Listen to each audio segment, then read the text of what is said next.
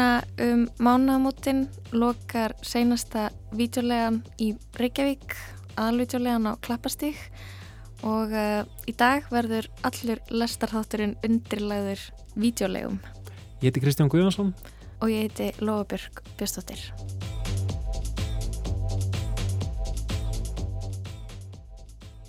Já, svona cirka bát 45 ára sögu videoleifunar er þar með að ljúka. Þetta er svona, já, endalokk ákveðins tímabils í íslenskri menningarsögu, þessi menningarstofnun sem að videoleigan er í hugum þjóðarinnar er að hverfa og já, aðal videoleigan hefur verið síðast í móhíkaninn einhvern veginn en lokar núna mánuðamátinn.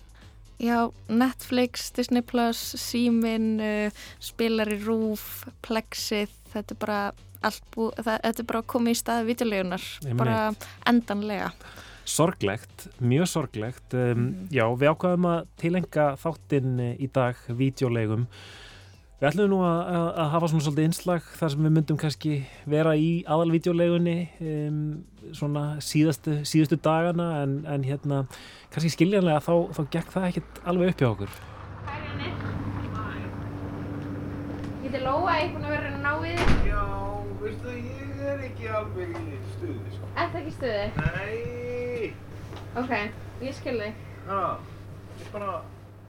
Ég er að... Já, þetta er svo að Reynir Marjusson sem er þess að dana að loka aðalvitulegan á klappastík um, hann var ekki til í viðtal Kanski skiljanlega, ég meina mm. þetta er sorgar viðburður einhvern veginn um, bara, já, bæði fyrir hann alltaf öruglega en, en, en líka þetta fyrir alla kvikmynda unnendur um, sem hafa stundað þessa leigu.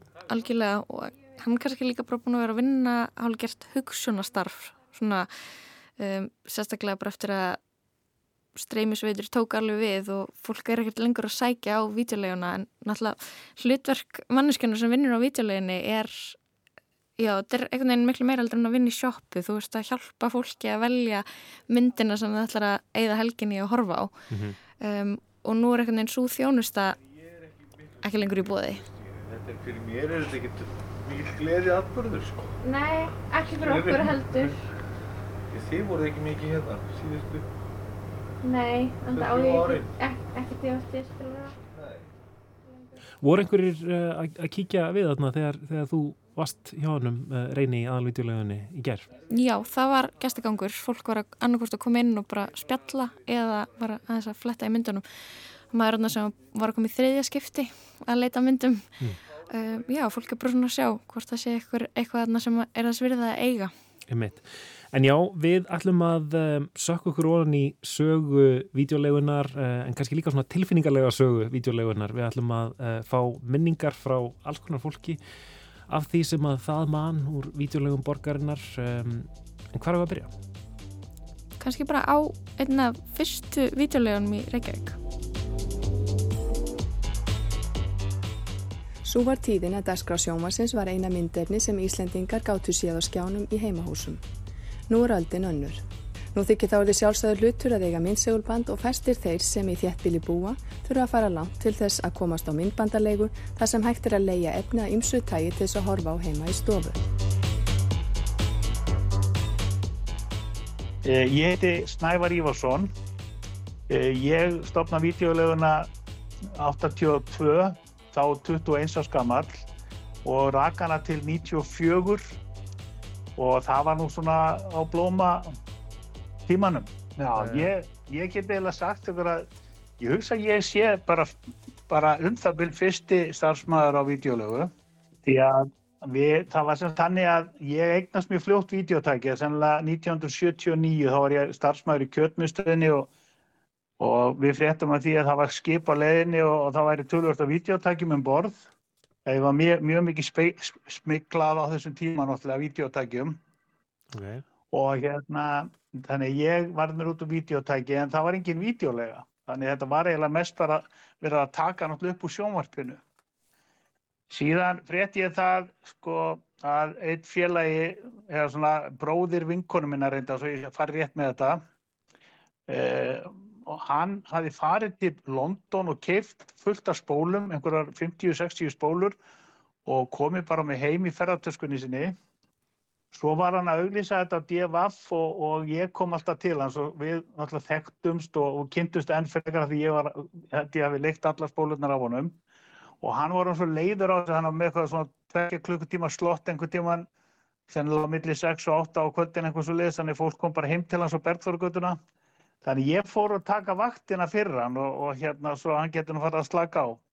Þannig að þannig byrjaði ég fyrst að vinna á videolegu og svo sem sagt fer ég að vinna á videospólunni og holtskutunni Já. og hérna þar, það er hérna e, var mjög virðulega videolega á holtskutu 1 í Vesturbænum og var þar að vinna hjá Brandi og Ingimundi Mm.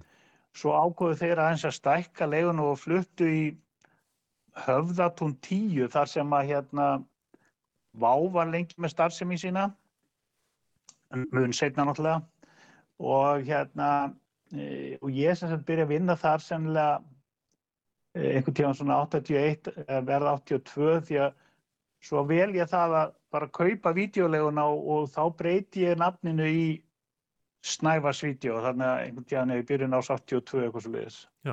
En, en hvernig var þetta sem þú byrjaðir að, að hérna, vinna hjá um, kunningjaðinum þarna uh, í heima hjá honum?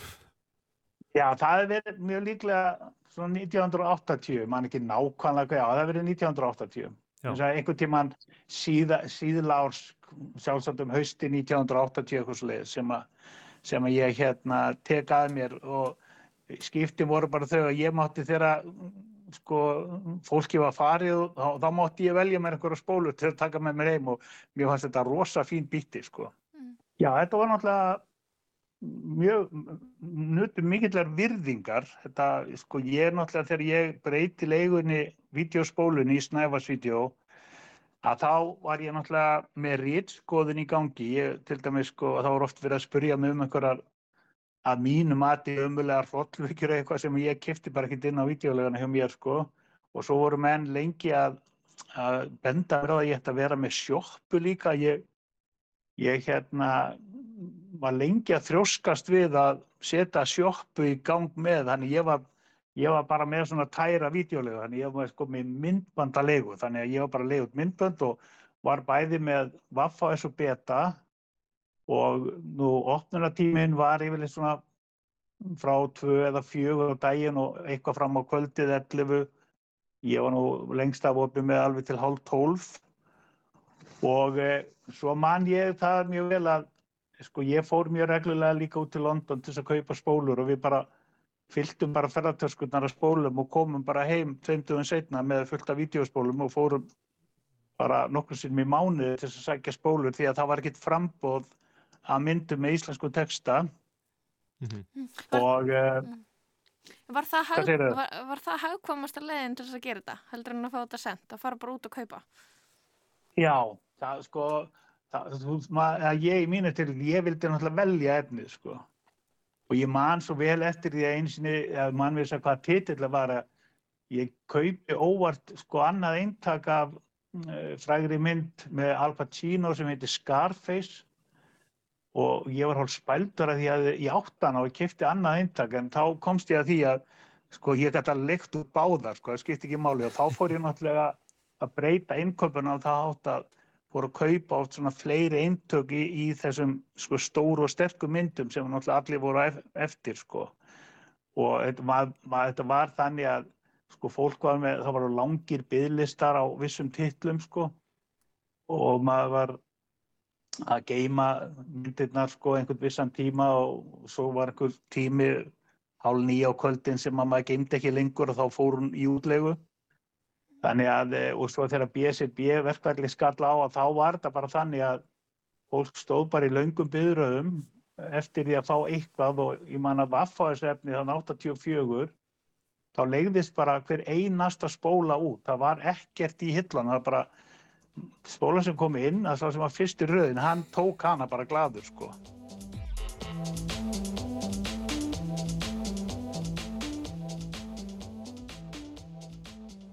og myndirnar kom ekki heim til Íslands fyrir tveimur árun setna og svo lærði ég það sko að bíóhúsin voru með eitthvað samkomlega sín á milli að kaupa bara ekkert myndirnar fyrir að það voru orðna gamlar. Þannig að skittel voru á vídeolegunum með miklu nýri myndir heldur en voru komnir í bíó. Mm. og, og þá náttúrulega voru einhverju sem lögðu það að þetta væri eitthvað hugsanlega eitthvað ólöglegt af því að það var ekki búið að texta þessar myndir og þær voru ekki komnir í bíó.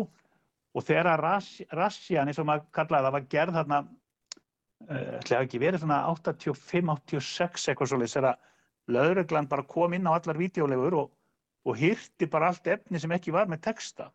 Og það, það var náttúrulega, þú veist, þeir tóku bara hjá mér sko meir en helmingin held ég af spólan og það bara lega hann nánast tóm þannig að það var rosalegu skellur og, og síðan kom nú í ljósa hérna einhverjum já, 14 mánuðin setna þá, þá var þessu öllu skila því að þá var náttúrulega aðgerinn var algjörlega ólögleg og þá hefðu sko einhverjir eigendur og rekstaraðar eða einhverja bíóhúsa bara einhvern veginn haft þau áhrif á bara lögurgliföld að, að, að, að hérna fá þá til þess að fara inn á leigurnar og sækja allar þessar spólur sem var algjörlega ólöglegt. Þannig að þetta litaði náttúrulega starfsemi í videolegana töluvert þegar þessi rassi að gekk yfir og svo hafði náttúrulega videolegan alltaf einhverja svona, einhvern svona stimpil á sér að vera með bláuspólurnar sem að voru þá e e e eitthvað svona já, klámfengið efni sem að var yfirleitt svona einhver starf á bakvið eða í einhverju möppum og eitthvað. Og, og hérna og þetta var einhvern veginn svona eitthvað svona tengt við eitthvað svona ólöglegt Í ábeldismyndunum kennir Ímis að grasa, þar er gróft klám, nauðganir, mistýrmingar á konum, börn notu til voðaverka, mannátt, viðbjórslega drápsaðferði síndar á nákvæmanhátt og þannig mætti lengi telja. Hér er eitt dæmi um slíkt. Það sem að, að kannski þrengdi að var náttúrulega sem er kannski svolítið þekkt í okkar samfélagi að það, það er segja íslensku samfélagi bara að það ætla svo margir að efnast á svipuðu með sama hlutnum og það var orðið þannig að það voru videolegur hreinlega sko bara já, ég ígif alla að segja hver einasta göttuhorni sko þannig að það var náttúrulega orðið gríðalegt magna videolegum og, og ég man að sko ég sko að því að það var einhvern tíma að komt ómur á bensín eða oljufyrirtækin sko þau var eitthvað að saminast um útsöluverðið á bensíninu til okkar neytenda að ég bjóð hreinlega til sko myndband stóði hann á videolegunni hjá mér með videokameri fyrir frá mig og bjóð hérna til eitthvað einhver, einhver, einhvern svona já, sem ég vildi meina var einhvers konar fræðsla fyrir allar videolegunar og dreifði þessu svo videolegunar þar sem að ég var reyna hvetja menn til þess að allavega hafa nýju spólundar á einhvers svona lámars útleguverði mm -hmm. sem var náttúrulega þegar maður skoðar tilbaka þá, þá hérna því að sko þetta var náttúrulega þannig að það var náttúrulega verðstríð að því að og, og þetta var að við kallum það, sko þú máttir ekki fara mikið niður fyrir eða upp fyrir réttar að kannski átján útlegu til að vera break even og, og það var gott ef maður gæti verið á 11 útlegum þá þauðtur það 11 útlegu til að fá fyrir spólunni og, og þegar við fórum að, að hérna kaupa textaefni þá voru réttafarnir oft með verði mjög hátt þannig að, að þá erum við komin í átján útlegur áður en að við sko gátum farið að fá álægningu og svo var náttúrulega töluverð sko töluverð um það að spólurna kom ekki inn og sko nýja stefni var náttúrulega vinsalast þannig að það hafði mest áhætt á að enda einhver staðar sko upp á fatahengi eða, eða, eða undir sjómarskengnum og tínast þar og, og þetta var náttúrulega oft flókið að ná í fólk og maður var ringjandi öll kvöldar en að fá spólurnar inn aftur þannig að, að það var náttúrulega sko mikill barningur í þessum rekstri líka þannig að ég held að það var náttúrulega aldrei neitt sem að varða eitthvað alveg ríkur og myndbandalegu sko. Mm -hmm. Þurftur eitthvað til mann að fara í innhemta aðgerðir? Já, já, já, já, ég meira ótal, ótal aðgerðir þannig þú veist og ég þurfti að fara inn á heimili og, og hérna og sækja við hún náttúrulega mjög fljóðlega að leiði út líka videotæki og ég mani til því að það, ég leta einn mann komast upp með það að, að vera með tæki og spólur hansi lengi og, og, og svo endaði með ég þurfti að fara bara heim til hans og sækja þetta og, og hérna tapaði bara tölurverða á því sko. Þannig að hérna og það eru mörg svona dæmi að sko fer út einhver spóla og bara er splungun í og svo klárast hún kannski á mánuði. Þar að segja að titillin er ekki jafn vinsall eftir 30 daga og og, og, og maður náði ekkert spólun inn og, og maður var að sko, reyna að fá fólk til að skilja það að það ætti að borga aukadaga og hérna já þannig að Mhm. það voru nú sko svo ég nefni nú engin nöfna að þá voru nú sumir bæði vel metnir og frægir einstaklingar sem að helduðu kemist upp með það að þau eru ekki að borga aukata og ég man, ég saði veit mann eh, mjög frægan Íslanding sem ég ætla ekki að fara að nefna hér ég saði bara, ég væri rosalega fegin ef þú myndir vilja snúa viðskiptum þínum eitthvað annað Mhm. því að það var svo erfitt að fá hann til þess að hann tók oft mjög mikið af spólum og hérna og svo bara kom þetta inn eftir dúk og disk sko, mann var maður upp með, með sér að því að hann væri að vesla um hann til að byrja með en svo tapaði maður bara því lítið á viðskiptum við þennan einstakling sko. Einn besta mynd ársins er komin út með Bruce Willis og Samuel L. Jackson í aðalhuturkum. Unbreakable. 100% öryggi. Ef Unbreakable er ekki inni, þá færð hana frítt næst þegar þú kemur. Bónusvídeó. Vídeóhöllin. Toppmyndir.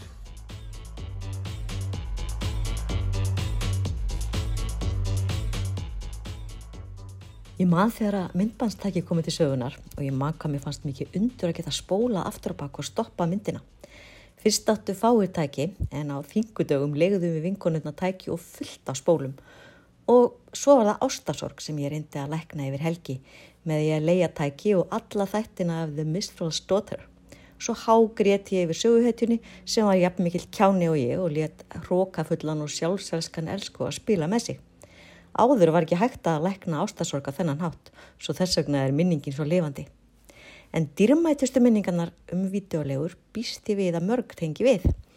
Þegar strákurum ég var krakki og svona um það bíla verða úlingur, fórum við alltaf út á leigu á föstudagskvöldum og á sama stað var Dominos. Við pöntum pitsu og meðan hún var í opninum völdum við spólur og bland í poka. Ég man þegar við horfum á skrím á einu svona kvöldi og í framhald af því byrjaði ég að sína honum eldri hryllingsmyndir eins og Exorcist og The Omen og hann fjall strax fyrir þeim.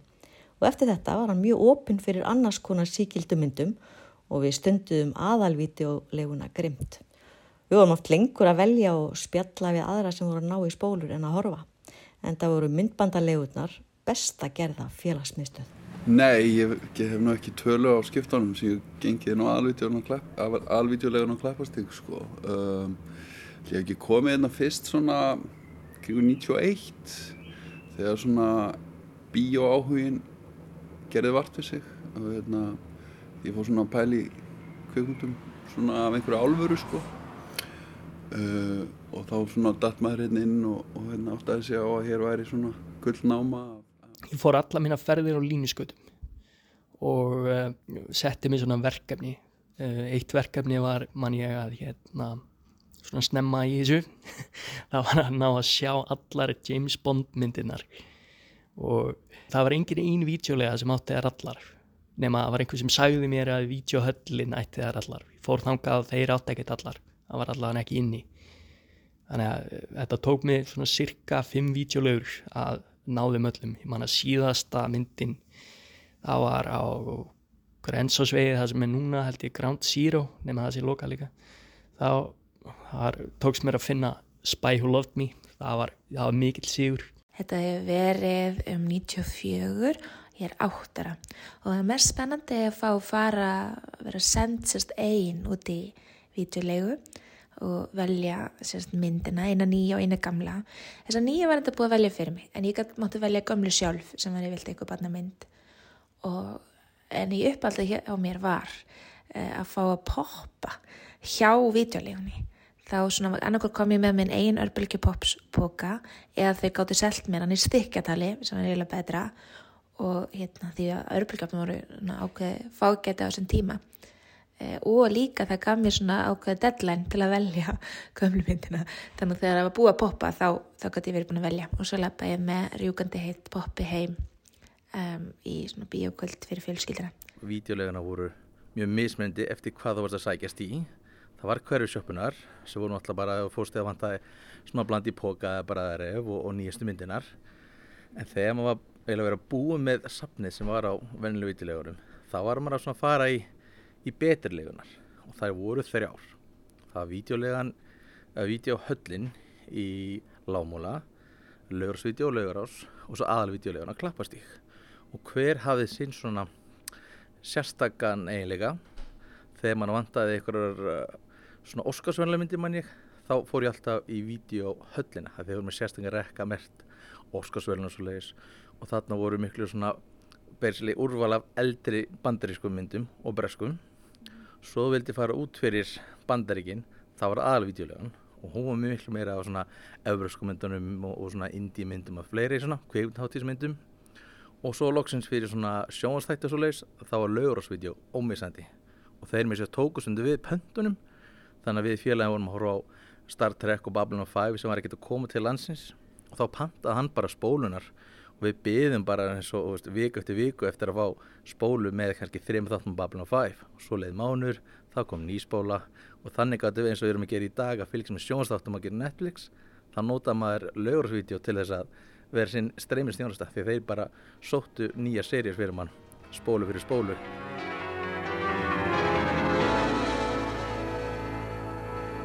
Myndband þetta er engungu ætla til heimilis og enganóta hér á landi, en ekki til ofinberra byrtingar. Ofinberr byrting telst til dæmi síning í myndbandakerfum fjölbillíshúsa, verslunum, veitingahúsum, vinnustöðum, fólksflutningabifröðum, skipum, flugvilum og svo framvegis. Fort sem sínt er gegn gjaldi eður ei. Fjölföldun og efni myndbandsins er með öllu óheimil. Skíman.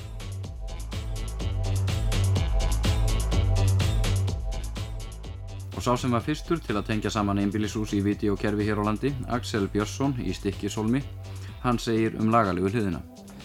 Að mínu möti þá er ekkert komið á hreint með, með, í þeim málum. Það er, þetta virðist viðgangast, hvort sem er í Reykjavík eða annar staðar.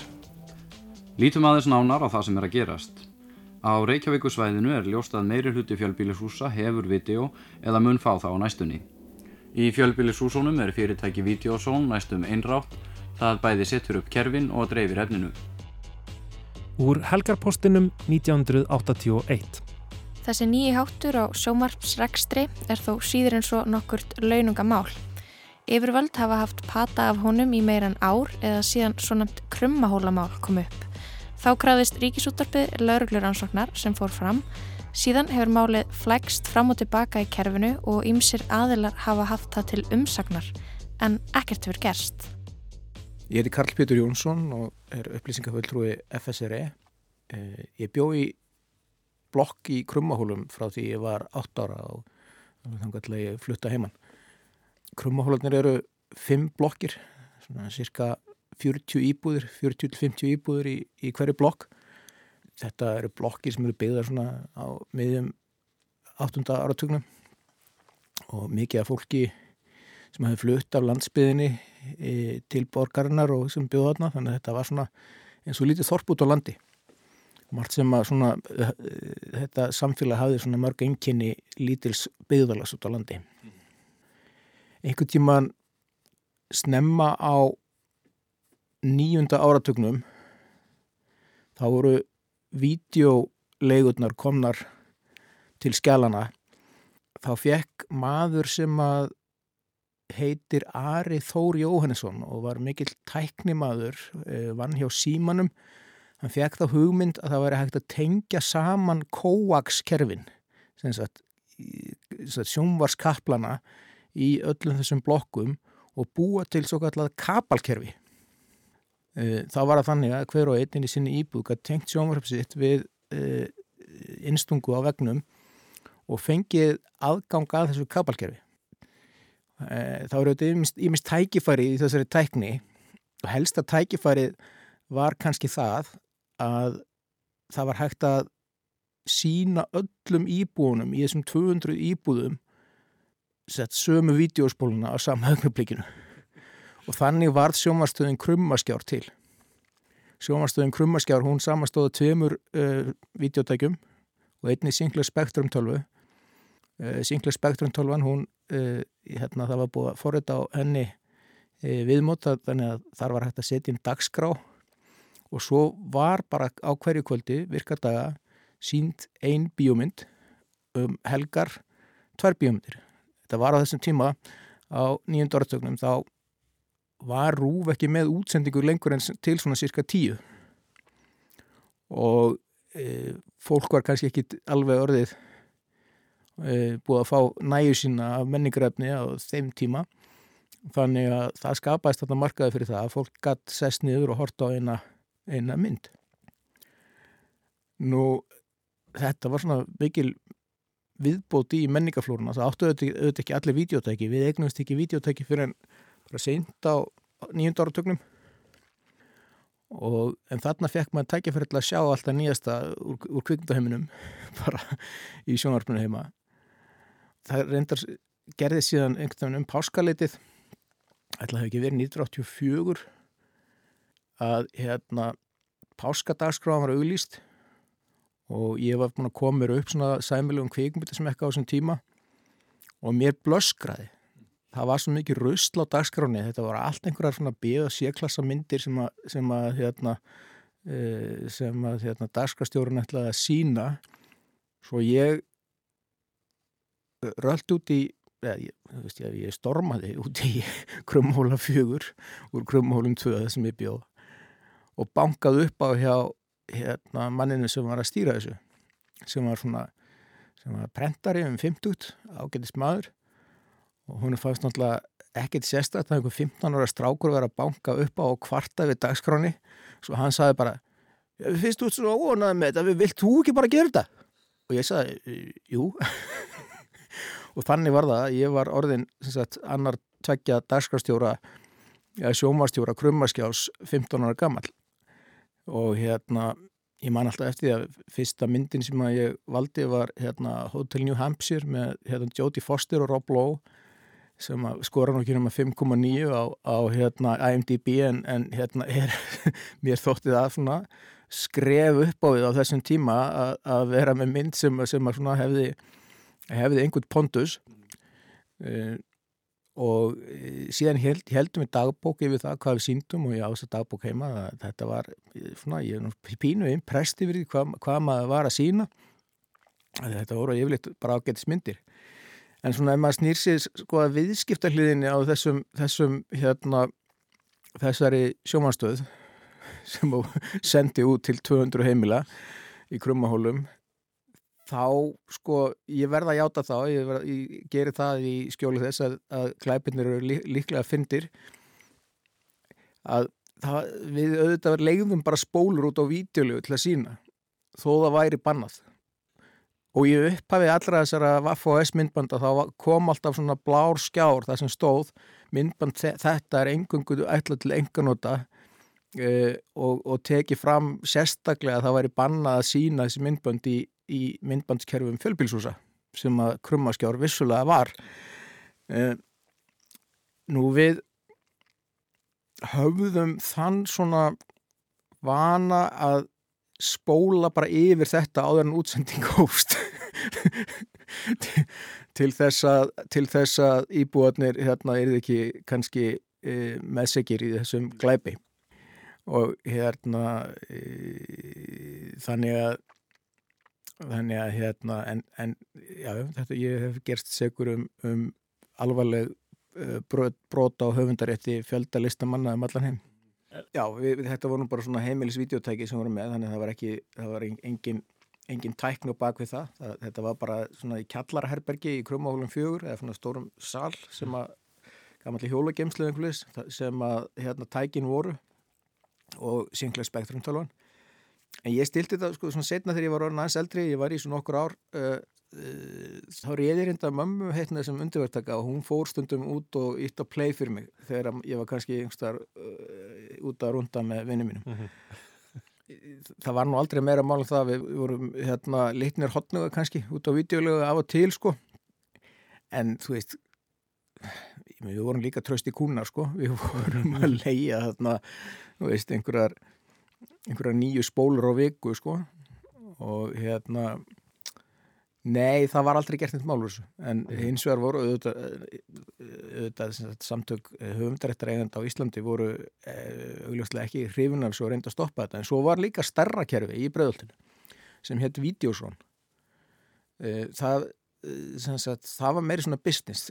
Okkar sjómanstöðu var eiginlega já hún var bara sagt, fólkið í þessari blokk saminast um það að tengja saman blokkinnar fimm e, viðhalda því kerfi e, borguðu held ég 300 kalla mánuði eða 500 kalla mánuði ofan á húsgjöldin sem runnu bara í e, videosjóð sem fengum við, reyndar ákella að borgað strákarnir sem vorum að, að hérna, sinna þessu og áttum auðvitað alltaf hérna, auður til þess að lesbólur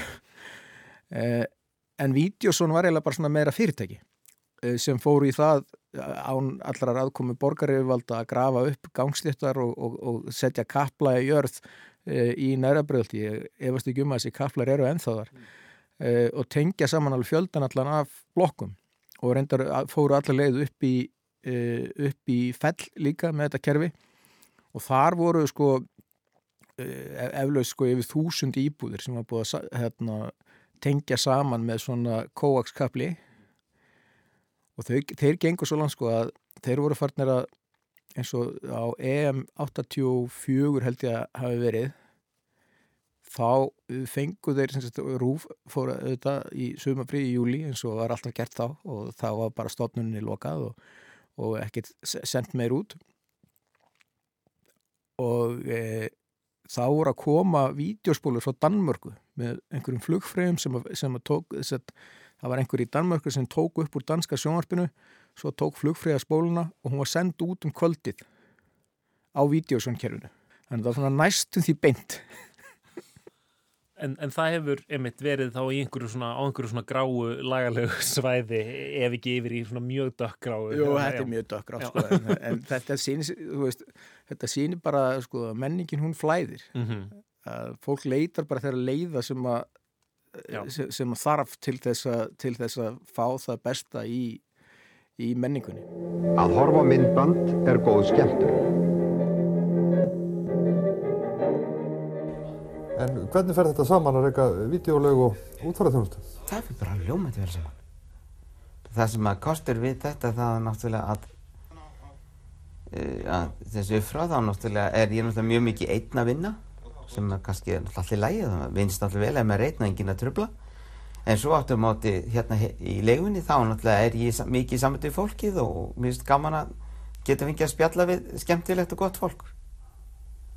Þannig að þarna færðu bæði næði og, og félagskap og... Já og svo getur þeim sem er vinnin upp frá hún er líkamlegt erfi en, en aftur móti meira andlegt eða semst sála eða semst hérna niður frá geti verið og nota meira hugan og, og það má segja það að þá kvílist á, á viksl. Þannig að meðaltalið að þessu tönnu er kannski fullkomið jafnvægi? Ég myndi segja það já. Ég geti til dæmis ekki hugsað mér að vera í vídjón allan daginn eða, eða kistónum allan daginn. Það, ég er kannski að leia 10-15 á ári bara, en það er ekki meira skanni. Það er tíma spurning hvernig maður nýti plássið í eitthvað annað. Mm -hmm. En það er einhverju sem, sem eru kannski ekki, hérna, ekki að nota streymisveitunar og ekki að nota neti til að, til að horfa myndir? Þessa myndir nást ekkert á netinu. Þetta ekki með svona bakarbyggi með blámyndum? Nei, ég er nú ekki með það, ég er bara með þetta í möppu en það reyfist ekkert. Nei, það reyfist ekkert? Nei. það var alltaf, alltaf vítalegu úr oft með bakherbyggjum. Já, já, já. ég var bara með möppur og var með það undir borði. Þegar ég byrjaði með þetta, með tíu spólur eitt vítutæki, sko, það gekk bara, sko, tvö tæki. Þau gengur bara sólarhingum saman, sko, það, fólki tók þetta bara að leiðu þessi átti til, þá var bara hort allan sólarhingin, sko. þetta var svo mikið, nýmetti sko, að fá svona að eitthvað geta stungið spól í tæki og geta bara horta á þetta í sjónvapir bara, þetta, þetta, þetta var bara galdra, þetta var bara eins og galdra, hérna, galdra tæki sko. Hm. Við vorum alltaf frekar frjálslindur í þessu, við vorum ekki að taka sko sektir og svoleiðis og fólk kem ekki á réttum tíma. Þannig að það var vinsast sko. En á vídeolegunum þá grætti það mest á því að fólk glemdi að skila sko. Það fannst mér aldrei sængja. Fólk að kannski borga sömu myndina mörgum sinnum. Sko. Síðan hefur við flokkað sko diskana og, og líka aðrar myndir í, eftir leikurum. Og það hefur, við höfum fundið að fólki líkar það mjög vel. Finnst þægilegt að geta spurt eftir með uh, einhverja myndi með þessum leikara. Kannski uppáhaldsleikarinn og þá getur fólk kíkt á, á þá heillu. Já, þannig að maður getur komið hérna og séð í hillinni, já, hér eru myndið með með græjan. Já, já, til dæmis. Já. Og hérna er eru leikararnir. Robert Redford, Eddie Murphy, Tommy Lee Jones, Julia Roberts, þetta er alveg hellingur, Sean Connery.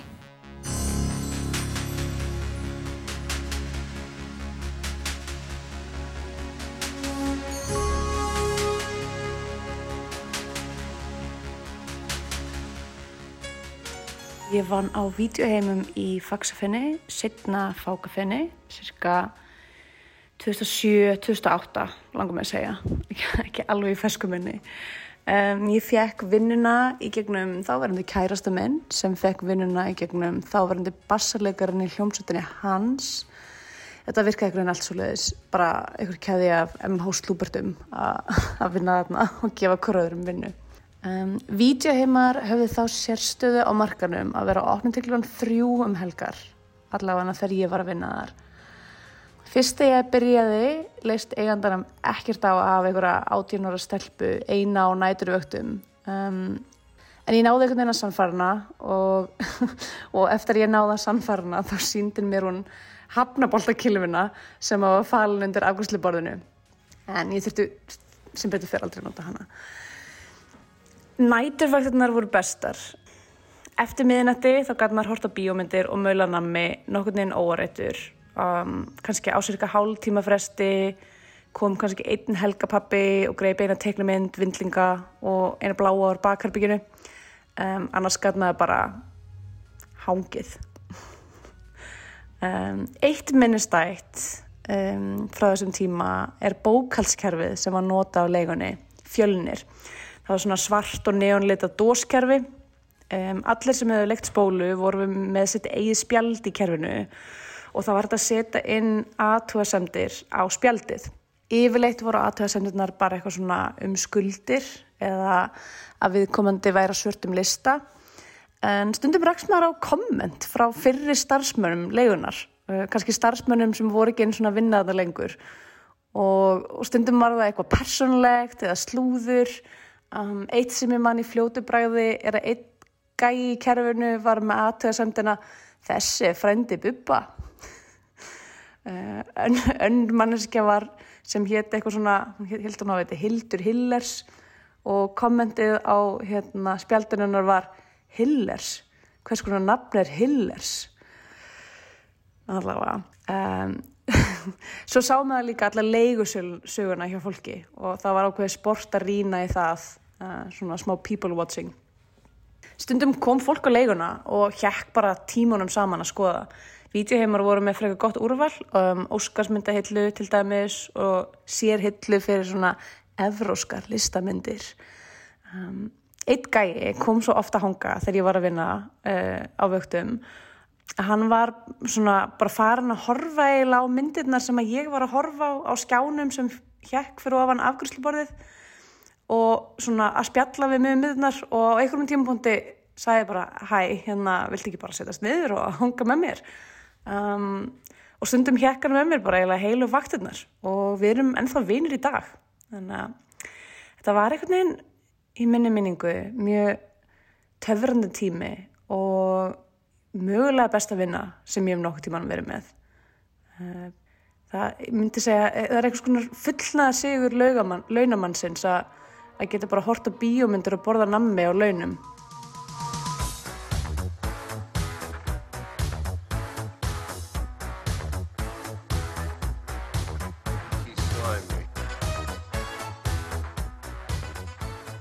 Ég vann á Gerplu videolegu sem var þá hluti af bónusvídeó árið 2008 þegar ég var 18 ára.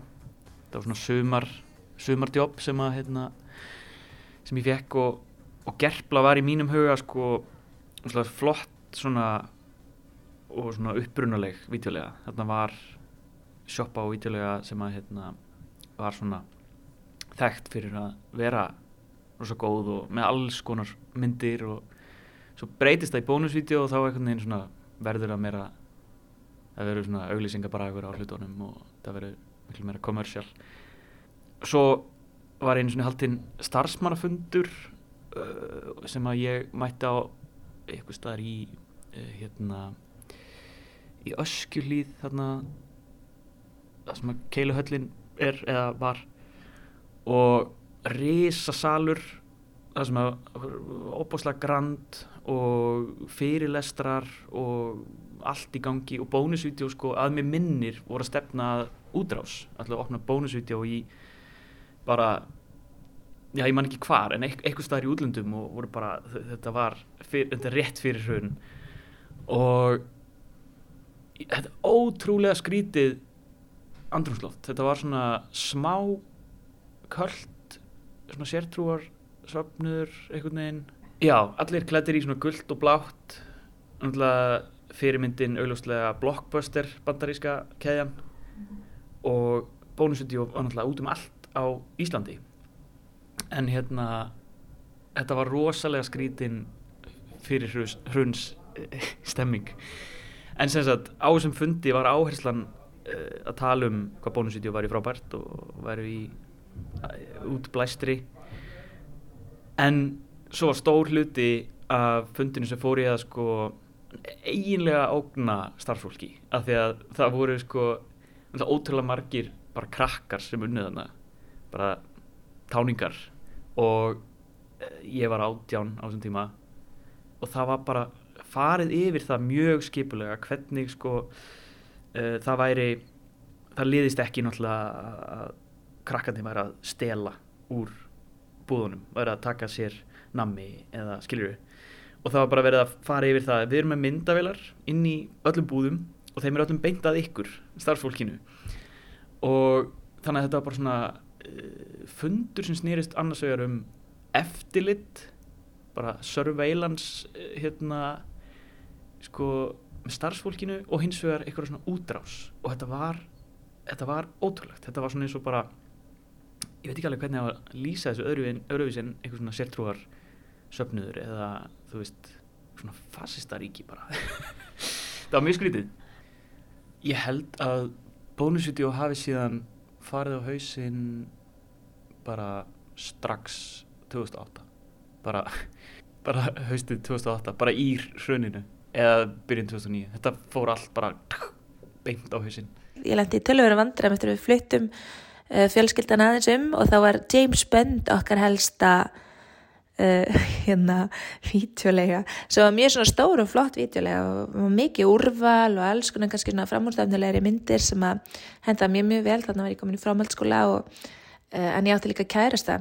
Og týpurbróður hans, hann var svona svolítið erfiður því hann glemdi alltaf að skila öllum DVD-myndum og hann var sérst bara komast upp að læra, læra sérst kennutölu bróðu síns auðvitslega ytterna og, og, nota hans kennutölu en hann, þannig að þeir voru báðir komnir á rauðanlista hjá James Bond og máttu hvoru í leiða út vídeo. Þannig að við leiðum, ég og kærst með leiðum alltaf út á mínu nafni en svo læriði, læriði bróðir hans mína kennutölu ytterna þannig að ég var líka komin í tölverð skuld á leigunni og við þurftum að setja sér svona á, á rauðan bannlista bara. Það má enginn taka mynd að minni kentölu nema ég.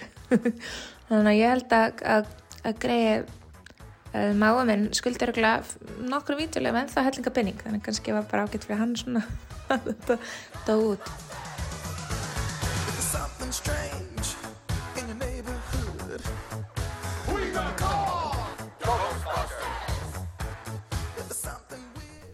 Þannig að þegar maður fór til Reykjavíkur og þá gist ég náttúrulega hjá ömmuminn heitinni þá voru eiginlega tvö mission annars vegar að fara í bíó uh, og það var kannski alveg því að í þátt að var voru nýju Hollywoodmyndinar að koma miklu signa til akkurar uh, núna, nútidags komaður meira menn á sama tíma en þarna liði ykkur í mánuður og maður fór með jæfnvel ansbókasafni til þess að lesa sko hérna bóka aðlugunina að hérna bíómyndinni, reynilega út af maður lendi ekki að bíða Þannig já, þegar maður fór sögur þá fór maður bíó.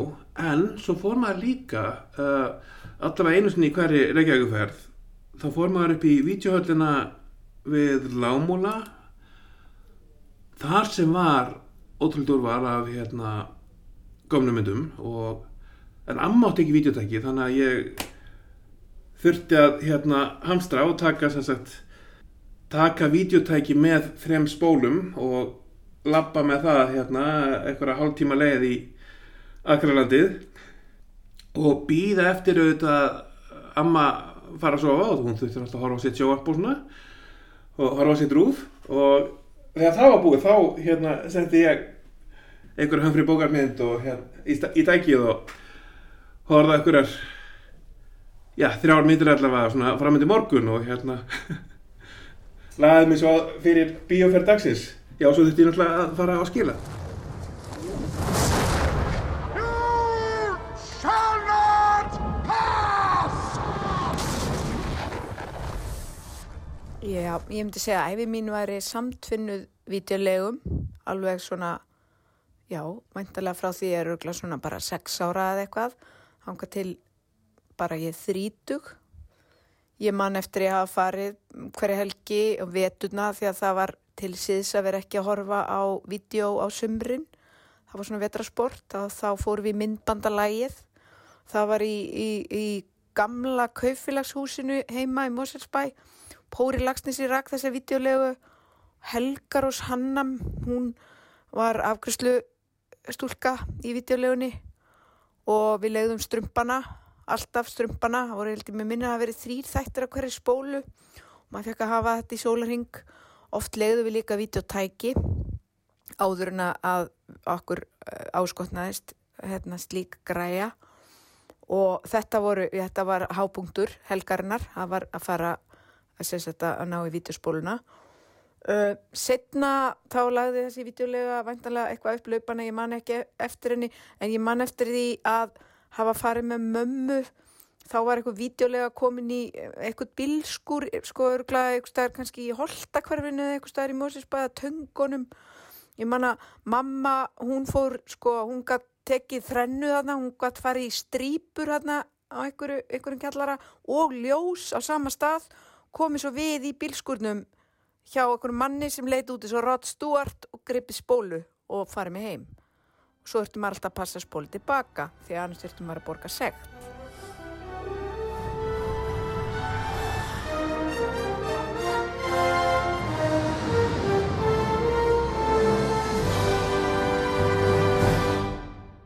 Ég vann í bónusvídeó.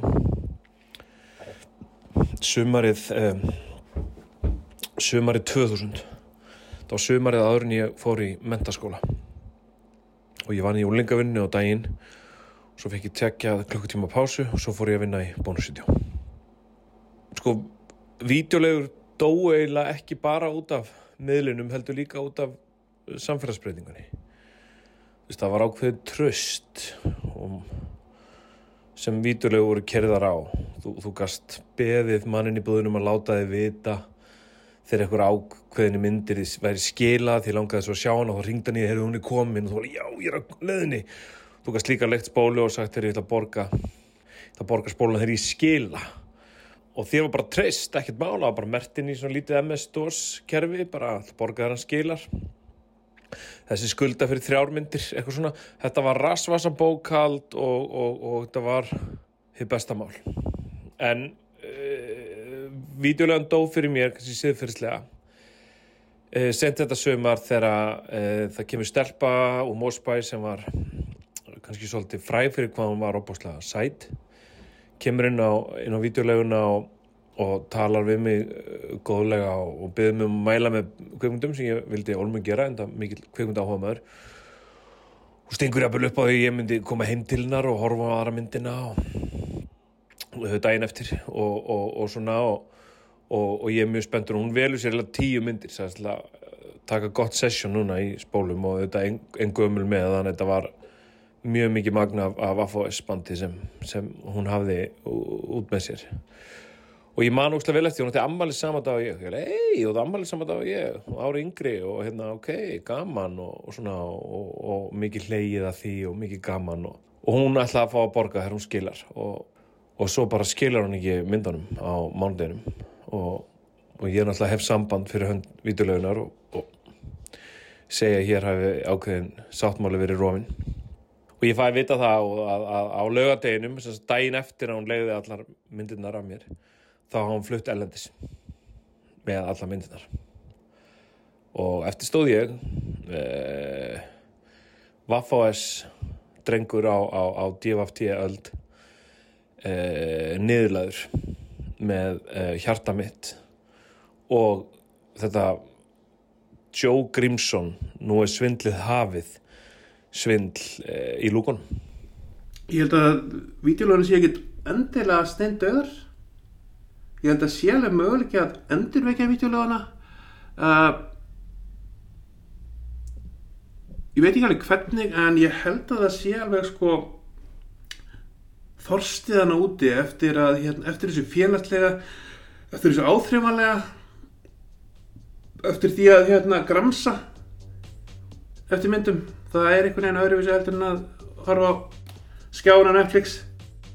Ásker Ingolson er bjart sín að uh, já, vídeolegan sé kannski ekki alveg döið, hún munir snúa eftir í einhverju mynd, við þurfum þetta mannlega. Nákvæmlega, en já, aðalvídeolegan uh, lokar uh, núna í mánuðinum og þar með líkur eiginlega 45 ára sögu vídeolegunar á Íslandi.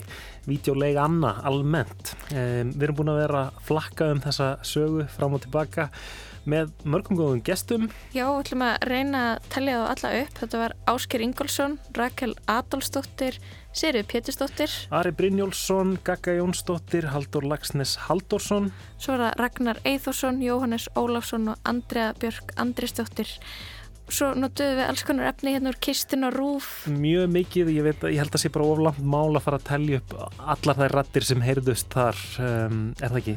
Jú, ég held að við, Ekki gott útvart En við Kristján og Lóa þökkum samfélgin í dag og þessa vikuna. Lestin verður næsta dagskrá mánudag.